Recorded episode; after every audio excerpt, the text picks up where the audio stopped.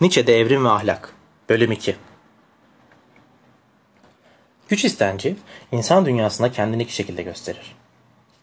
İlki, dışarıda olanı kendine göre biçimleyerek ilerleyen, yaşamını yalnızca korumakla yetinmeyip, aynı zamanda hayatını istenç ve fizyoloji bakımından daha güçlü bir biçimde idame ettirmek isteyen, yaşam mücadelesinde başarı sağlayan güçlü insan tipidir. Nietzsche'ye göre güç istenci yüksek olan bu bireyler, insanlığın gelişiminde asli rol oynamakta ve türün devamlılığını sağlamaktadırlar. İkincisi ise kendinde mücadele etme kuvveti bulamayan zayıf insan tipidir. Bu insanlar yaşama uyum sağlayamamakla birlikte hayatlarını sürdürmeye devam etmekte ve insan türünün geleceği açısından bir engel teşkil etmektedirler. Yaşamın özü olan güç istencinin getirdiği koşullara tahammül edemeyen bu bireyler, çareyi yeni bir hakikatte ve bu hakikati güvenceye alan yüce değerler yaratmakta bulmuştur. Böylece zayıf insanlar bu gerçeklik altında kendi ürettikleri değerlere uyarak, kendilerine başka kurtuluş yolları inşa ederek, güç istencinin yaşamda ortaya koyduğu mücadeleden kendilerini kurtarmayı başarmış, yine güç istencine karşı kendi hakikatlerine sığınmayı ya da boyun eğmeyi kabullenmişlerdir. Oysa Nietzsche için biricik dünya içinde yaşadığımız yerdir ve zayıf insanlar tarafından uydurulan öteki dünya ondan türetilen bir yalandan ibarettir. Bu nedenle içinde bulunduğumuz yegane gerçeklikten çeşitli idealler, hakikatler, kavramlar türetmek ve bu çerçevede yapay bir ahlaki yapı tasarlamak, yaşamı küçümsemek, yatsımak anlamına gelmekte ve içten, istençteki güçsüzlüğü ortaya koymaktadır. Kurulan bu yüce ahlaki değerler, yaşamı reddetmekte, uydurduğu gerçek ya da Tanrı ile yegane dünyaya alternatif üretmektedir. Nietzsche bu durumu değerlerin doğallıktan çıkması yani yapaylaşması olarak yorumlamaktadır. Gerçek denilen bu suni dünya yaşamın inkarında bir araç olarak kullanılmaktadır. Bu inkar girişimi Nietzsche için nihilizmin en belirgin tanımlarından biridir. Nietzsche, güç istencinin nihilizmle ilişkisini şu şekilde izah eder suni olarak kurulmuş, gerçek, değerli dünyaya karşı inkar edilen bir dünya. Sonuçta kimileri bu gerçek dünyanın hangi malzemelerden yapıldığını keşfeder. Bu durumda kişinin tek terk ettiği inkar edilen dünyadır ve bu üstün hayal kırıklığını inkar edilmeyi neden hak ettiğine dair nedenlerini ekler. Nihilizme işte bu noktada erişilir. Kişinin terk ettikleri sadece hükümden geçen değerlerdir. Başka hiçbir şey değil.''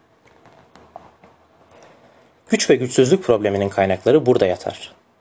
Güçsüz olanlar yok olur, daha güçlü olanlar yok olmayanları yıkar, en güçlüler ise hükmü geçen değerlerin üstesinden gelirler. Sonuçta bu trajik çağ oluşturur. Böylece Nietzsche, nihilizmi zamanın Avrupa'sının yaşadığı ahlaki çöküşün bir sonucu olarak görmektedir. Avrupa insanının küçülüp de birbirine eşit duruma getirilmesi karşımızdaki en büyük tehlikeyi oluşturuyor. Çünkü görünüşü bıkkınlık veriyor bize. Bugün daha büyük olmak isteyen hiçbir şey görmüyoruz. Kuş kullanıyoruz. Her şey hep aşağıya, daha aşağıya gidiyor. Daha ince, daha saf dil, daha kurnaz, daha rahat, daha eşit olana doğru. Daha Çinli, daha Hristiyan. Kuşku yok. İnsan hep daha iyiye gidiyor. İşte Avrupa'nın yazgısı burada yatıyor. İnsandan korkuyla birlikte ona olan sevgimizi de yitiriyoruz. Ona olan derin saygımızı, umudumuzu, onu istememizi. İnsanın görünüşü şimdi bize bıkkınlık veriyor. Bugün nihilizm bu değil de nedir? Görüldüğü üzere demokratik rahatlık yani kişinin eşitlikten ya da sıradanlaşmadan şikayetçi olmaması, sürünün ortak değerleri altında yaşamaya boyun eğmesi ve bunu aşabilecek güç istencini ortaya koyamamasının neticesi olarak nihilizm, ben olarak insanın fizyolojik ve evrimsel duraksamasını ortaya koymaktadır. Öyle ki nihilizm, daha büyük olmak istemeyenin ruh halini bize göstermektedir. Başka bir deyişle Artık insan sürü değerleri altında vicdan gibi bir yapay mekanizma ile bir diğerinin varoluşunu düşünerek ve dahası bir diğeri gibi yaşayarak hayatını idame ettirmeye razı edilmiştir. Bu bağlamda vicdanlı insan, ruhu yorgun insandır ve bu bitkinlik hali nihilizmdir. Bu koşullar altında insan türünü ileriye taşıyabilecek bireylerin yetişmesi mümkün değildir. Dahası herkesin tek tipleştirildiği düzende türün gelişimine faydada bulunabilecek bir farklılıktan bile söz edilemez olmuştur. Öte yandan Nietzsche, toplumdaki dekadant çöküşün bireyde yarattığı ruhsal bir netice olarak nihilizmi iki yönüyle ele alır.